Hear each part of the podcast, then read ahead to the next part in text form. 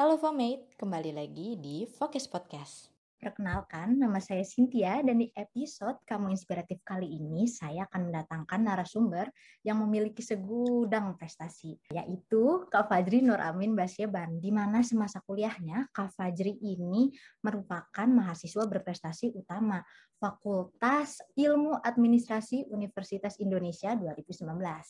Selain itu, semasa kuliahnya, Kak Fajri itu ikut aktif baik kegiatan di kampus maupun di luar kampus dengan mengikuti beberapa kompetisi seperti English Presenter dan CV prestasi terbaik, lomba model United Nation yaitu simulasi sidang PBB, representasi terbaik, satu diplomasi award, Deloitte Tax Challenge kompetisi nasional dan masih banyak lagi kompetisi lainnya. Nah, selain itu Kak Fajri juga aktif nih volunteering di AFS Intercultural Program sama intern di DPR RI. Langsung saja uh, saya udah terhubung nih dengan Kak Fajri yang siap membagikan kisah inspiratifnya untuk kalian. Oke, halo Kak Fajri, bagaimana nih kabarnya? Halo, selamat siang semuanya. Alhamdulillah kabar baik. Cynthia kabarnya gimana? Alhamdulillah baik. Oh, nah, wah sejujurnya saya sendiri senang banget dapat kesempatan untuk berbincang-bincang bersama alumni sukses dari Universitas Indonesia. Kalau boleh tahu nih, eh, saat ini kakak tuh lagi sibuk apa ya? Oke, untuk sekarang, saya lagi sibuk bekerja di salah satu firma multinasional di bidang service, uh, yaitu sebagai uh, Associate Transfer Pricing. Baru 8 bulan semenjak tamat, uh, saya tamat dari UI 2020, uh, sekitar bulan Agustus atau September, terus langsung lanjut kerja bulan Oktober di Deloitte di tempat sekarang saya bekerja. Uh, selain bekerja, mungkin ada kesibukan lain kak? Oke, okay, biasanya weekend atau beberapa bulan sebelumnya juga ada kesibukan mentoring. Itu ada beberapa organisasi juga yang approach saya buat menjadi mentor beberapa mahasiswa. Jadi selain bekerja, kegiatan mentoring itu juga saya jalani, sama ada volunteering juga. Volunteeringnya itu uh, ada salah satu organisasi juga, base-nya di Jakarta. Wah, ternyata produktif juga ya Kak Fajri walau di tengah pandemi. Nah, yang Kak Fajri sebutkan sebelumnya berarti kan Kak Fajri sekarang tengah bekerja di Deloitte Indonesia. Dan ya, sebelumnya semasa kakak kuliah, Kak Fajri dan teman-teman pernah mengikuti bahkan memenangkan lomba Deloitte Tax Challenge Competition Nasional ya Kak? Iya, betul. Kegiatan tersebut berhubungan erat nggak sih Kak dengan peluang kakak di mana kakak sekarang bisa bekerja di Deloitte Indonesia itu sendiri? Untuk menjawab pertanyaannya, mungkin uh, saya cerita dulu ya. Jadi pada tahun 2020 awal, itu kompetisi Deloitte uh, tingkat regional atau tingkat nasional diadain oleh Deloitte-nya sendiri. Tujuannya itu um, untuk menyaring perwakilan dari Indonesia yang akan be, uh, yang akan berkompetisi di tingkat Asia Tenggara. Nah, kebetulan saya dan teman-teman saya mengikuti perlombaan tersebut. Uh, Alhamdulillah memenangkan uh, kompetisi tersebut juara satu. Nah, pada saat itu kita mendapatkan insentif uh, berupa hadiah, terus juga uh, golden pass untuk uh, melanjutkan bekerja di Deloitte. Jadi waktu itu kita di, diberikan kesempatan untuk bekerja di Deloitte. Wah, keren banget ternyata Kak mulai dari mengikuti lomba akhirnya dapat berujung bisa bekerja di perusahaan yang mengadakan lomba itu tersendiri ya Kak ya. Iya nah, betul.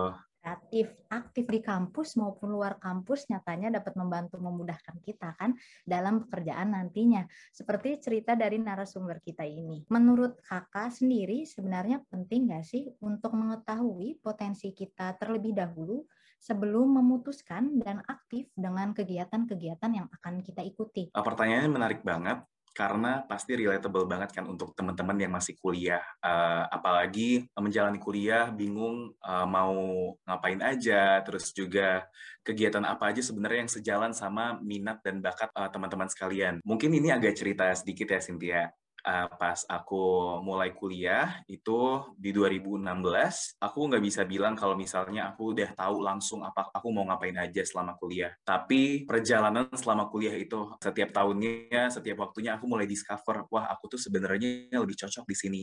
Nah itu gimana aku cara bisa discovernya? Karena aku itu coba mengikuti beberapa kegiatan yang aku rasa itu masih linear sama yang aku punya dalam hal passion gitu. Contohnya, pas tahun awal-awal kuliah pertama, aku tuh udah mulai mungkin identify semasa, semasa uh, aku sekolah pas SMA, ada mungkin bakat atau passion public speaking. Suka banget gitu berbicara depan umum, hal yang berkaitan dengan public speaking. Kemudian, uh, ketika kuliah, mencoba untuk mengikuti kegiatan-kegiatan yang ada hubungannya dengan public speaking. Contohnya model United Nation. Pada awalnya terkendala karena alasan uh, awalnya takut insecure itu aku alamin juga. Karena uh, pada awalnya ngerasa wah semuanya itu harus pakai bahasa Inggris gitu. Ada perasaan takut gitu. Tapi ketika mengikuti perlo mengikuti kegiatan itu mengikuti perlombaan kegiatan ini makin nagih gitu loh. Wah I think I know my passion selama aku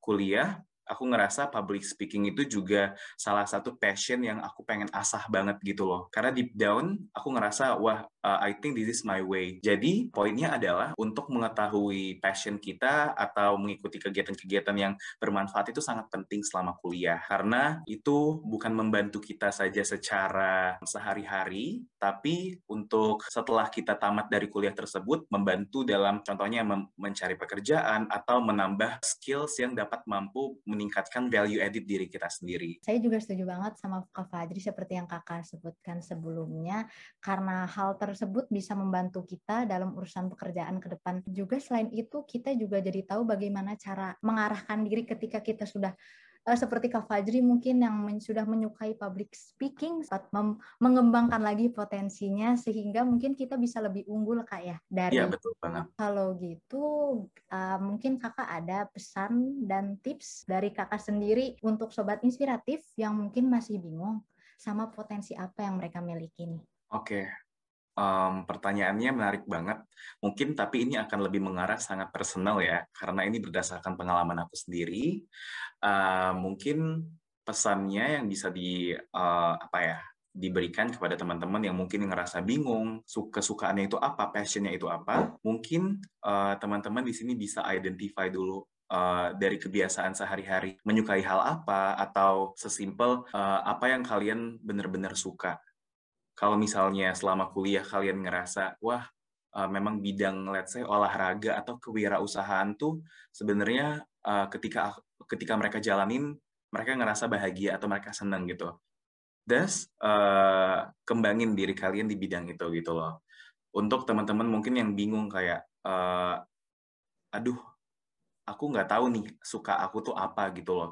Mungkin sesimpel kalian bisa apa ya? Hmm, melihat contoh atau uh, orang yang kalian look up to. Misalnya aku sendiri pas aku kuliah, aku juga pernah ngerasa kayak, aduh bingung banget, kayak mau ngapain aja selama kuliah, mau ikut perlombaan tapi bingung perlombaan apa gitu loh. Nah, sesimpel misalnya di kampus pasti banyak banget teman-teman atau senior yang mengikuti perlombaan uh, mungkin yang kalian belum tahu Nah, di situ mungkin kalian bisa menggunakan uh, connection kalian itu untuk bertanya, berawal dari inisiatif untuk tahu, consult dan reach out teman-teman yang udah mengikuti perlombaan atau kegiatan yang kalian ngerasa itu keren atau ya yang kalian suka, itu menurut aku udah oke okay banget. Karena at least kita harus tahu dulu apa yang sebenarnya kita pengen jalanin gitu loh.